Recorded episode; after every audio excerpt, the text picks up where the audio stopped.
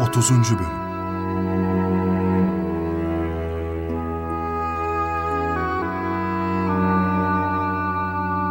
İkap Savaşı'nda Müslümanlar yenilir. Haçlı ordusu gerçekten güçlü gelmiştir. Yenilginin faturası muvahhitlere çıkarılır. 1227 yılında başlayan isyanlar muvahhitlerin sonunu getirir. Şehir sultanlıkları yeniden bağımsızlıklarını ilan ederler.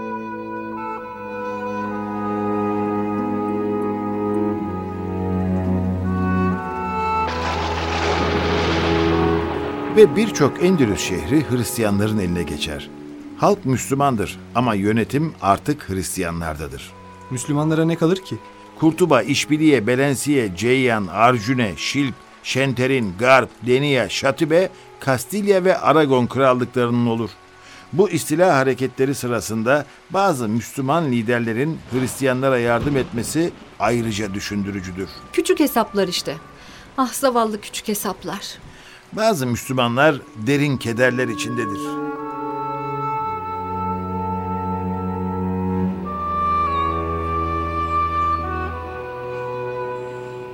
Ganimet almışlar nice yerleri. Mahvolmuş çoluk, çocuk, genç, yaşlı ve her diri. Bebekler feryat içinde, koparılmış anasından.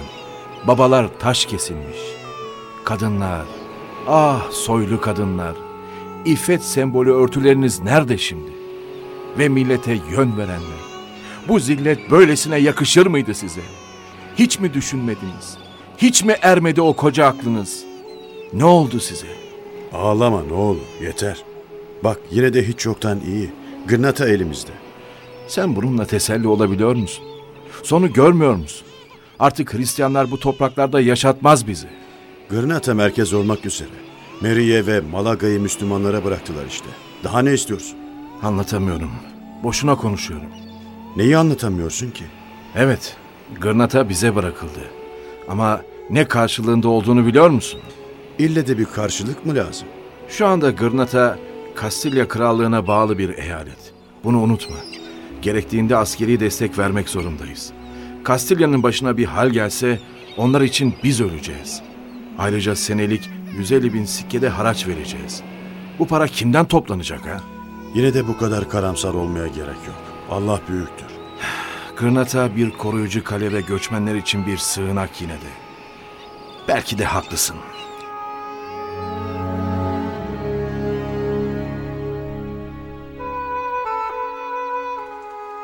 Ahmeroğulları o dönemde hakim olan kaos, kan, ahlaksızlık ve İslam'dan uzaklaşma ortamında Gırnata'yı ellerinde tutmayı başarırlar. Gırnata ne kadar kalabilir Müslümanların elinde?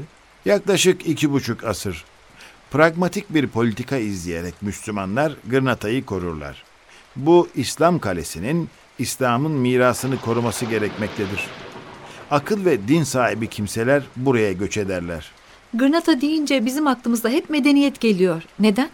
Bu kaos ortamında bile Gırnata medeniyet meyveleri vermeye devam eder. Elhamra Sarayı bu dönemde inşa edilir. Sierra Nevada'dan kurşun borular ile şehre içme suyu getirtilir. İbnül Baytar bu dönemde yetişir. Sulama sistemindeki gelişmelere bağlı olarak tarım gelişir, ipekçilik ve dokumacılık üst seviyelere çıkar. Çok ilginç. Peygamber Efendimiz şöyle buyuruyor. Kıyameti kopuyor görseniz ve elinizde bir fidan varsa onu dikin. Gırnatalılar Müslümanca yaşamaya çalışmışlar demek ki. En maharetli Müslüman savaşçılar da burada toplanmış. Dede, Efendim kızım, kafama takılan bir şey var. neymiş o? İbn Ahmer diğer Müslüman kalelerin Hristiyanların eline geçmesinde Hristiyanlara yardımcı olmuş. Bu kesin mi? Aragon ve Kastilya krallıkları arasında bir denge kurarak yaşamaya çalışmış. Bu arada Kastilya'nın bir eyaleti olarak da yükümlülüklerini yerine getirmek zorunda kalmıştır tabii. İslam kalelerinin kaybedilmesinde onun da payı varmış. Devlet işleri çok zor işler kızım. Buradan ahkam kesmek kolay da o dönemde aynı şartlarda biz olsaydık ne yapardık? Onu da kestiremiyorum. En güzeli galiba bu konuları Allah'a havale etmek. Herkes yaptıklarından Allah'a hesap verecek. Evet dedeciğim, ben de öyle düşünüyorum. Biz bu konuda yargıç değiliz. Hüküm vermek bize düşmez. Hüküm nasıl olsa Allah'ındır. Her şeye rağmen Hristiyanlar çok çalışıyorlardı. Her fırsatı değerlendiriyorlardı. İdeal ve ufuk sahibiydiler. İdeal ve ufuk sahibi olmak çok mu önemli dede? Çok önemli kızım. Toplumlar ancak ideal ve ufuklarıyla varlıklarını sürdürebilirler. Gırnata'da ideal ve ufuk ne olabilir? Varlığını devam ettirebilmek. Bunun için de Hristiyanlara karşı politika yapmak, Müslümanlardan da yardım beklemek.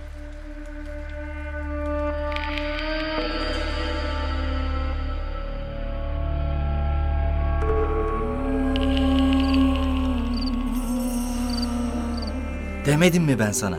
İşte talih bize gülüyor artık. Allah Müslümanlara değil bize yardım ediyor. Gerçekten de kısa zamanda beklemediğim şeyler oldu. Şimdi planın üçüncü merhalesine geldik. Son darbe. Bu hızla biz son darbeye çoktan hazırız ama meyvenin de olgunlaşması lazım. Ham meyve tatlı olmaz. Şimdi bir tek boz öküz kaldı. O ne demek? Müslümanların bir hikayesi var. Mevlana'nın. Üç öküz hikayesi. Ondan söz ediyorum. Gırnata Sultanlığı için kıyasıya mücadele var. Bazen kimi destekleyeceğimizi şaşırıyoruz. Kastilya kraliçesi Elizabeth'le Aragon kralı Ferdinand evlenebilir. Ah, ciddi mi söylüyorsun? Bu da meseleyi kökünden halleder. Şimdi Hristiyan önderleri bu işi gerçekleştirmenin peşinde. Yaşasın! Müslümanlar bölünüp parçalandıkça biz birleşiyoruz, bütünleşiyoruz. Reconquista kesin artık.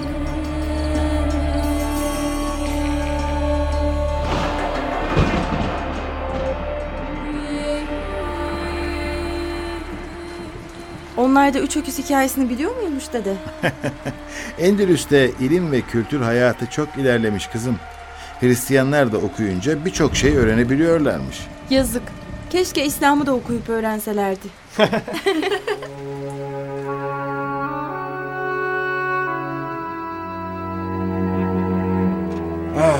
Artık kimi kiminle dengeleyeceğiz bakalım. Ferdinand'la Elizabeth evleniyormuş. Aragon'a karşı Kastilya'yı, Kastilya'ya karşı da Aragon'u yardıma çağırıyorduk. Durumu idare ediyorduk. Şimdi ne yapacağız? Bu defa son darbeyi vururlar artık. Hristiyanlara güvenemeyiz. Aslında Müslüman İspanyollar Avrupa'da hiçbir zaman görünmemiş en parlak medeniyetin mirasçıları. Kurtuba'yı bir düşün. Geceleri aydınlatılan sokakları, anestezi yoluyla ameliyatların yapıldığı hastaneleriyle tam hazır bulunmuş bir şehir. Gırnata Kurtuba'dan farklı mı sanki? Bu adamlar bu şehirleri idare edemezler. Öyle deme. Müslümanlardan çok şey öğrendiler. Çok. Benim bildiğim İspanyol bir Hristiyan, her şeyden önce yıkanmayan biri. Haçı işkence aleti olarak kullanan, kan dökmekten zevk alan vahşi bir savaşçı. İbadet sırasında bile şarap içen, şarabın peygamberinin kanı olduğunu iddia eden, murdar yiyeceklerle beslenen bir arsız. İnsanlara sevgi konusunda vaazlar veren, fakat insanları hapseden, mallarına el koyan, işkence eden ve öldüren bir yüzsüz değil mi? Müslümanlardan çok şey öğrendiler. Bunu kabul et. Artık son darbeyi vuracaklardır. Ne yazık ki batıl hakka hayat hakkı tanımaz. Hak batılı yaşatır belki ama batıl hakkı asla yaşatmaz.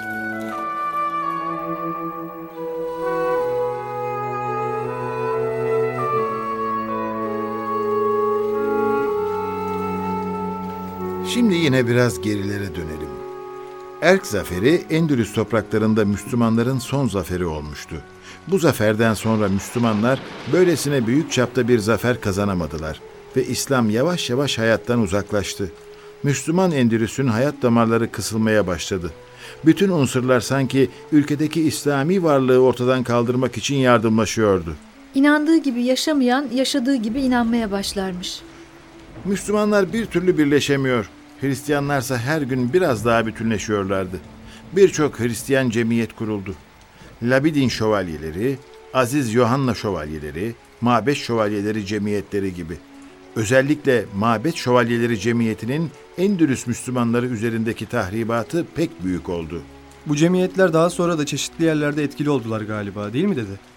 Tapınak şövalyeleri de diyebilir miyiz? Sonra İspanya'nın doğu kesimindeki kilise ve manastırlar ittifak ederek Aziz Yumyan Cemiyeti'ni oluşturdular ve sistemli bir askeri harekata giriştiler. İslam'a karşı açılan bu cephe sanki uluslararası bir cephe gibi. Bir Haçlı Seferi kızım. Yine bir grup rahip ve papazın kurduğu Rabah Kalesi şövalyeleri.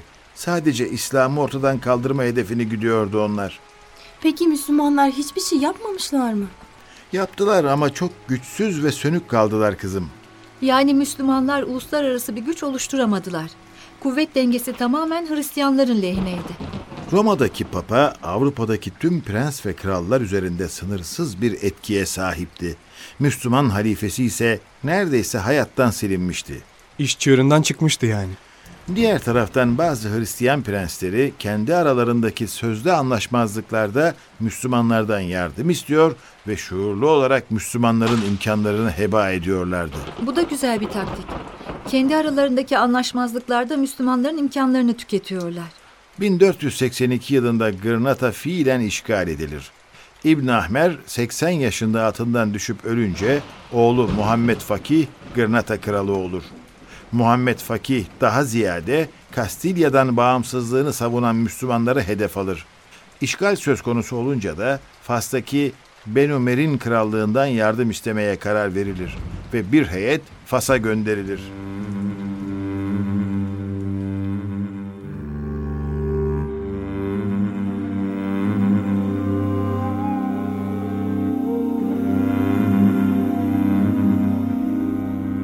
Bizi Granada kralımız Muhammed Fakih gönderdi ve bu mektubu size iletmemizi istedi. Bizden ne istiyorlar? Mektupta yazılı efendim. Okuyun da dinleyelim. Bizim okumamız uygun düşer mi? Okuyun okuyun. Sakıncası yok. Peki. Nasıl emredersiniz? Dinliyorum. Bilinen gücün ve herkesçe görülen ciddiyetinle bize yardım eli uzatırsın. Allah seni ordularıyla merhametli, can bahşeden bir sultan kıldı. Sana iyiliklerden oluşan bir mülkü miras bıraktı. Bizden istenenlere geçin. Kralınız bizden ne talep ediyor? Mühim olan bu. Hristiyan düşman İslam'a el uzatıyor. İslam'ın kalelerini yıkıyor. Beldelerini alt üst ediyor. Erkeklerini öldürüyor, kadınlarını taciz ediyor. Mallarına el koyuyor. Şimdi gün verip bizi tehdit etti. Bizden elimizde avucumuzda kalan minberleri, camileri, mihrapları ve manastırları teslim etmemizi istiyor. Hristiyanlardan başka ne beklenir ki? Niyetinin samimi olduğunu biliyoruz.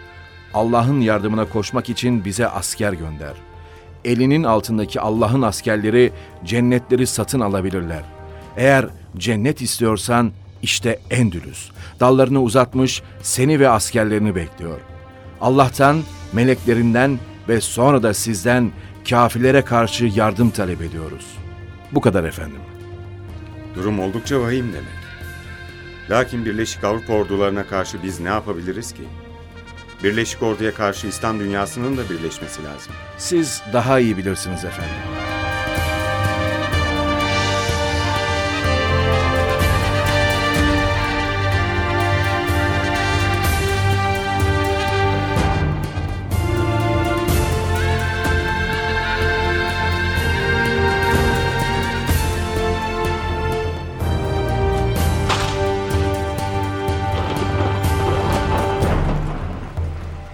Beni Mer'in Sultanı Yusuf bazı anlaşmalar yaparak yardım edebileceğini bildirdi. Muhammed Fakih her türlü anlaşmaya hazırdı artık. Bütün çareler tükenmişti.